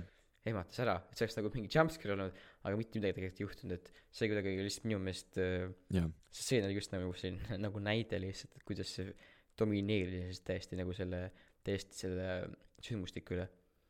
Minu meelest see oli kuidagi ma panin seda kohe tähele et alguses ka kui nad sõitsid sinna hotelli ülimalt sünged noodid hästi madalad ja täielik kuidagi selline võim muusikast välja et äh, tegi selle filmi mitu korda veel paremaks see stseen tuletab mulle meelde nagu seda, seda nagu filmi tegemisreeglit, et pigem näita ära, räägi, onju. et nagu ma arvan, ma arvan, et on nagu kolm taset, et esi- esiteks sa räägid, onju, mis on võib-olla kõige odavam, et sa nagu räägid ära, et mis, mis loos toimub ja siis vaataja saab kohe teada, onju, ta pea-, ta ei pea ise süvenema, onju, lihtne filmi vaadata. teine on see, et sa näitad midagi, siis, siis, siis vaataja peab ise mõtlema. Aga ma arvan, et miski, mida see stseen teeb, on nagu kolmas variant, mis on see, et äh, nagu vaataja peab ise kehastama ennast Jack Nicholsoni kehasse ja mõtlema, et mida see muusika võiks väljendada. mida see stseen tähendab ja võib-olla see tähendabki seda, et nagu Jack Nicholson on hakanud raevutsema, et ta isegi teeb väikseid asju niimoodi, et see on dramaatiline. ja siis see on nagu mingi järeldus, mida sa teeksid vaatajana läbi selle, et, et tegelikult sulle ei öelda eriti palju ette ära, lihtsalt on mingisugune emotsionaalne kild, on ju, mida väljendab see muusika, mis paneb sind mõtlema nagu, nagu Jack Nicholson mõtleb. ja ma arvan, et see on miski, mida Kubrick nagu teeb väga hästi selles stseenis arvatavasti. jah, siis see algusmuusikat sõidas sinna hotelli jah madalad bassinoodid nende asjad ja seal, kus nad sõidavad sinna hotelli, ma just tahtsin rääkida sellest, minu arust, minu arust see on super lahe, ruumiline, suursugune. Jällegi nagu väljendab seda nagu algusest peale, mis on nagu filmis nagu veits ilmne, et kõik läheb halvasti. et, et, et jaa et nagu need stseenid on ilusad aga aga muusika on nagu siuke mm, kole. Et just et nagu need madalad hästi madalad bassinoodid et need kuidagi tekitasid täiesti sellist täiesti uue keskkonna võimsad. Ma ei tea kas nagu heas mõttes või halvas mõttes aga lihtsalt sellist hästi kuidagi tugevad täiega. Ja et ühesõnaga terve see filmi muusika on lihtsalt ülimalt hästi tehtud. Kuidas ta kruvis selle pingi üles kõik see ülimalt hästi ühesõnaga et et otsin kohe üles kes need seal on. Ah, no äh, mingid no mingid noorekad ma pärast ei hakka isegi üritama neid nime nimesid hääldama praegu. Ühesõnaga siit müts nende ees maha. Kaks heliloojat klassika. See veider, kuidagi kõige, kõige nagu need, need vennad, kes on nagu kõige su- suuremate projektide taga, sageli ja kelle nimed ei ole super avalikud, onju, nad on kõik Skandinaaviast pärit nagu, nagu need mingisugused Rootsi vennad, kes kirjutavad kõik popula-, poplaulud, onju, on rootslased. see mingisugune vend, kes tegi Teneti soundtrack'i, on rootslane. see vend, kes teeb äh, äh, Childish Gambinole lugusid, on rootslane äh,. ja, ja nii edasi. ja Rootsil on endal ka muusikalisi eksporte. ja see kes käis Eestit Eurovisioonil esindamas kes ta oli? kes ta oli oli rootslane, onju. aga no filmidel üleüldse sinu elus mis on nende roll Uh, neil on uh, erinevad rollid, ma arvan, et noh, film on tore vaadata et, et, et äh, miski, mis, mis kindlasti rahustab uh,. Eriti mingisugused pikemad filmid, näiteks ma, ma ei tea, Kubricku filmid on päris pikad et kogu, kogu aeg nagu arenevad edasi. Neid on uh, tore öösel vaadata siis, kui midagi pole teha um,. Uh, ma ausalt öeldes väga palju olen mõelnud, et mis, mis nagu filmide roll mu elus on. no kindlasti, kindlasti nagu üldiselt mingisugustel äh, nagu raamatutel ja filmidel on selline ühine roll inimeste eludes see, et, et nad nagu, nad kujutavad mingit emotsiooni, mis sul nagu on, nii et, nii et sa sellest ise ka aru saad. või see nagu annab sulle mingisuguse nagu selle lähtepunkti nagu emotsionaalselt, et näiteks ma ei tea, näiteks võib-olla mõne inimese jaoks siis kui nad raevutsevad, siis nad äkki näiteks näevad ennast kui Jack Nicholsoni, kes hoiab kirvest. või siis äh, kui äh, ma ei oska eriti head näidet tuua, äkki, äkki, nagu mingisugused need kangelaslikud momendid, mida sa nagu elus läbi viid, on ju, äkki need tuletavad sulle meelde superkangelaste filme.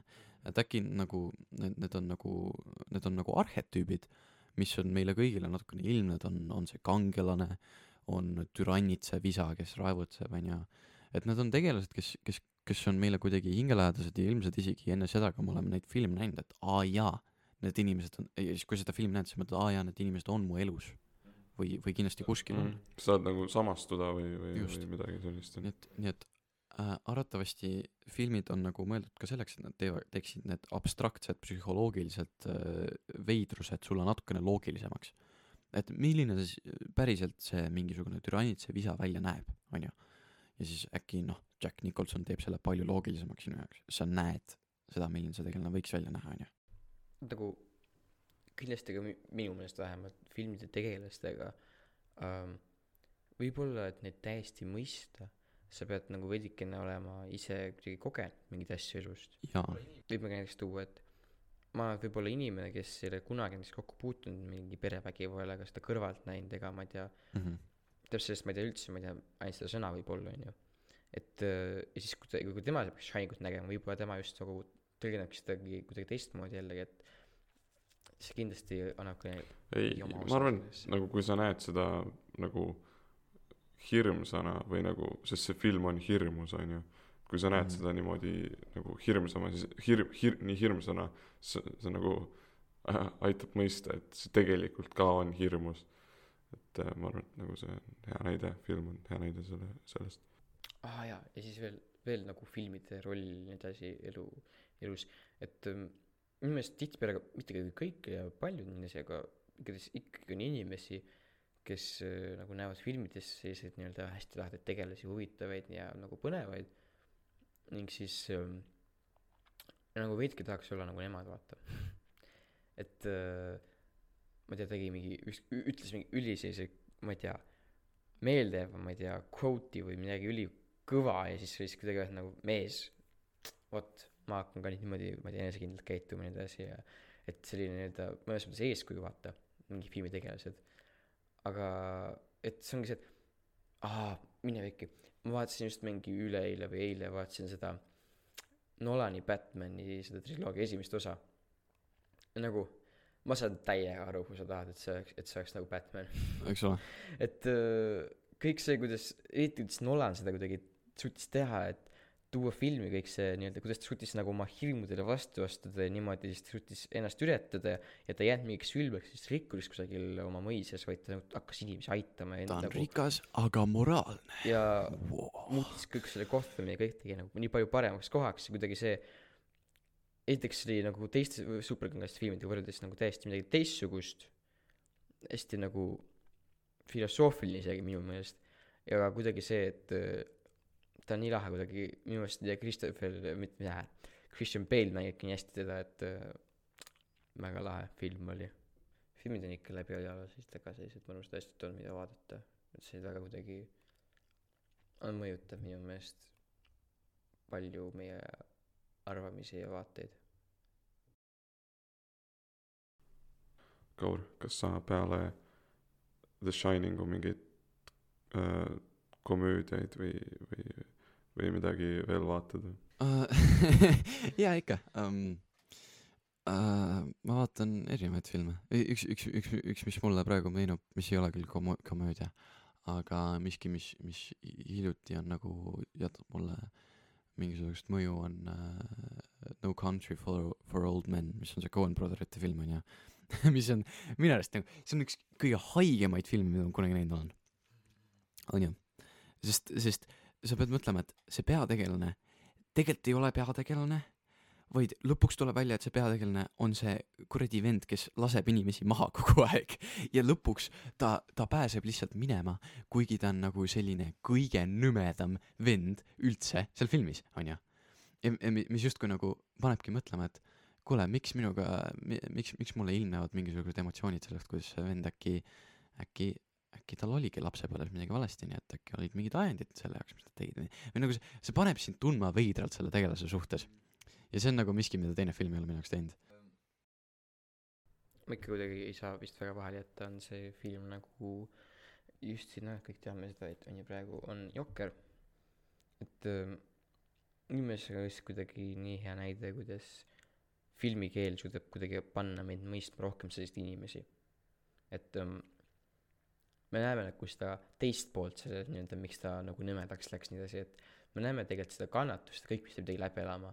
ja siis kuidagi see nii-öelda mingi väike nagu mõistmine tuleb ikkagi meile kaasa, et jah, ta on küll väga nõme ja me peaks tegelikult tema nagu tegust õigustama, aga siiski ta ei tee seda mingi täiesti mõttetul põhjusel, vaid tal on olemas see nii-öelda lahe tagalugu, mis kõik on nii pekkis ja miks ta kõike teeb. jah, ma super palju nagu komöödiaid ei vaata äh,. komöödiafilme, ma arvan, ma vaatan rohkem komöödiasaateid. on sul mingi seriaal või, või midagi, mida sa vaatad? kurat, mul ei ole meeles jälle, ma ei ole tükk aega neid uh,. Mm, aa, mulle meeldib Brooklyn Nine-Nine, see on selline mõnus, mõnus saade. tore. sihuke tore nagu südamlik, vaata seal on nagu head tegelased, et on nagu kurb, kurb, et seal vist ei ole uusi saateid, uut, uusi osasid tükk aega olnud. et neil oli vist mingisugune asi, et Terry Crews rääkis vahepeal, et äh, kuule, meil oli mingi neli osa, aga me pidime need cut ima, sest koroona. Või midagi, et seal olid mingid veidrad teemad, mida nad ei tahtnud nagu lahata või midagi sellist. jah, aga Brooklyn Nine-Nine on jumala nunnu. seal on, seal on Andy Samberg, kes on, kes on, kes mä- mängib Andy Sambergi ja seal on äh, Terry Crews, kes mängib Terry Crews'i ja seal on, seal on teised ka ja äh, täitsa nunnu, nunnu saade äh,. ma arvan, et miski, mis, mis, mis on nagu selle, mis on selle nunnu faktoriga, on ka selline saade nagu Community. Ma vaatasin ka sõpradega vahepeal, ma ei tea, kas te olete kuulnud sellest, seal on, seal on, seal on äh, see Daniel Glover äh,, Childish Gambino, enne kui ta oli Childish Gambino, ta mängis äh, saates Community, mis põhimõtteliselt selle saate point on see, et äh, on äh,, on erinevad vennad, kes on äh, community college'is, ma ei tea, mis selle Eesti mingi vaste on, nagu noh, nad on nagu ülikoolis, aga nagu selles ähm, ülikoolis, mis ei maksa mingi sada tuhat äh, eurot tuition'it Ameerikas, dollarit, mida iganes, onju. me, jah. Ja siis nendega juhtub igast asju, nad, nad on kõik erinevates äh, vanusegruppides, nii et see nagu ahaa, generatsioonilised vahed on naljakad. ja siis äh, neil juhtub igast äh, mingi, et nende mingi äh, õpperuum võetakse ära ja siis neil tekib konflikt. ja siis see on äh,, vahel on absurdne ja sageli on päris naljakas. ja selline südamlik ka. nii et jah, selline saade. no ma ei tea, mul rohkem küsimusi isegi ei ole. mul ka ei ole küsimusi rohkem. kuna meil on ikkagi olemas siis nüüd lõpuks siin stuudios äh, Luhva turundusjuht, siis äh, muud üle kasutada võimalust ning teha teile üks väike giveaway. ühesõnaga, üks õnnelik siis võidab endale ühe paki Luhva svamme, kuidas pakis on kaks svammi sees ning äh, täpsemalt sellised äh, juhised, kuidas seda võita, tulevad siis veel varsti kohe Instagrami, nii et olge valmis. siis äh, Kaur kohe ütleb teile, miks need on äh, kõige paremad švammid. Kaur kohe ütleb, ma ütle, ütlen siin, kui on, kui tekib edasisi küsimusi, siis äh, otsige meid üles Facebookist, Insta-, Instagramist äh,, Õhv Luhva, Luhva Eesti äh, ja nii edasi. aga no tegemist on siis äh, nõudepesušvammiga, mis äh,, mis peseb sama hästi nõusid kui kõik teised nõudepesušvammid, ainuke kui vahe mitte paremini. kui mitte paremini, onju. aitäh, Ilmar äh,. et aga, aga erinevus on selles, et erineva, erinevalt tavalisest nõudepesušvammist siis äh, laguneb looduses päriselt ära ka, näiteks ei jäta tuhandeteks aastat-, aastateks mikroplastikut merre, mida teevad miljonid polüestrist ja tselluloosist švammid, mida visatakse ära lääneriikides iga aasta. Et kui, kui teil on äh, vähegi tahtmist äh, siis äh, leida veel üks aspekt enda elust, mida muuta rohelisemaks, kindlasti te paljusid asju juba teete, onju, võib-olla mõned teist sõidavad rattaga või siis kasutate riidekoti küll lähete poodi, onju, aga kindlasti neid valdkondi on hästi, hästi mitmeid, mida siis parandada. Ja kindlasti üks lihtne asi, mida te ära saaksite teha, on siis asendada oma nõudepesusvamm millegagi, mis laguneb looduses ära, ehk siis luhva biolaguneva käskkõrvitsast tehtud nõudepesusvammiga millega saab siis pesta nõusid, keha, kassi äh,, riideid ja nii edasi. tehke, mis, mis te tahate sellega, see on äh, vastupidav äh,, aga laguneb ära siis äh, kompostis vastavas keskkonnas. Ah, no okei okay,, üks küsimus ikka tuleb ära, kaua see kestab? see, see, jah, see on äh, k- arvatavasti kõige levinum küsimus um,. no tegelikult noh, see kestab sama kaua kui tavaline nõudepesusvamm onju. Seal on isegi konks, millega sa saad selle riputada oma kraani külge, et see kuivaks ära onju, nii et see kestaks veel kauem, kui sa seda teed. aga see kestab noh, mingi kuu aega, veidi rohkem onju, tegelikult peaks oma nõudepesusvamme kui ka noh, tavalisi vahetama iga kuu tagant, et need ei läheks liiga, liiga ebahügieeniliseks.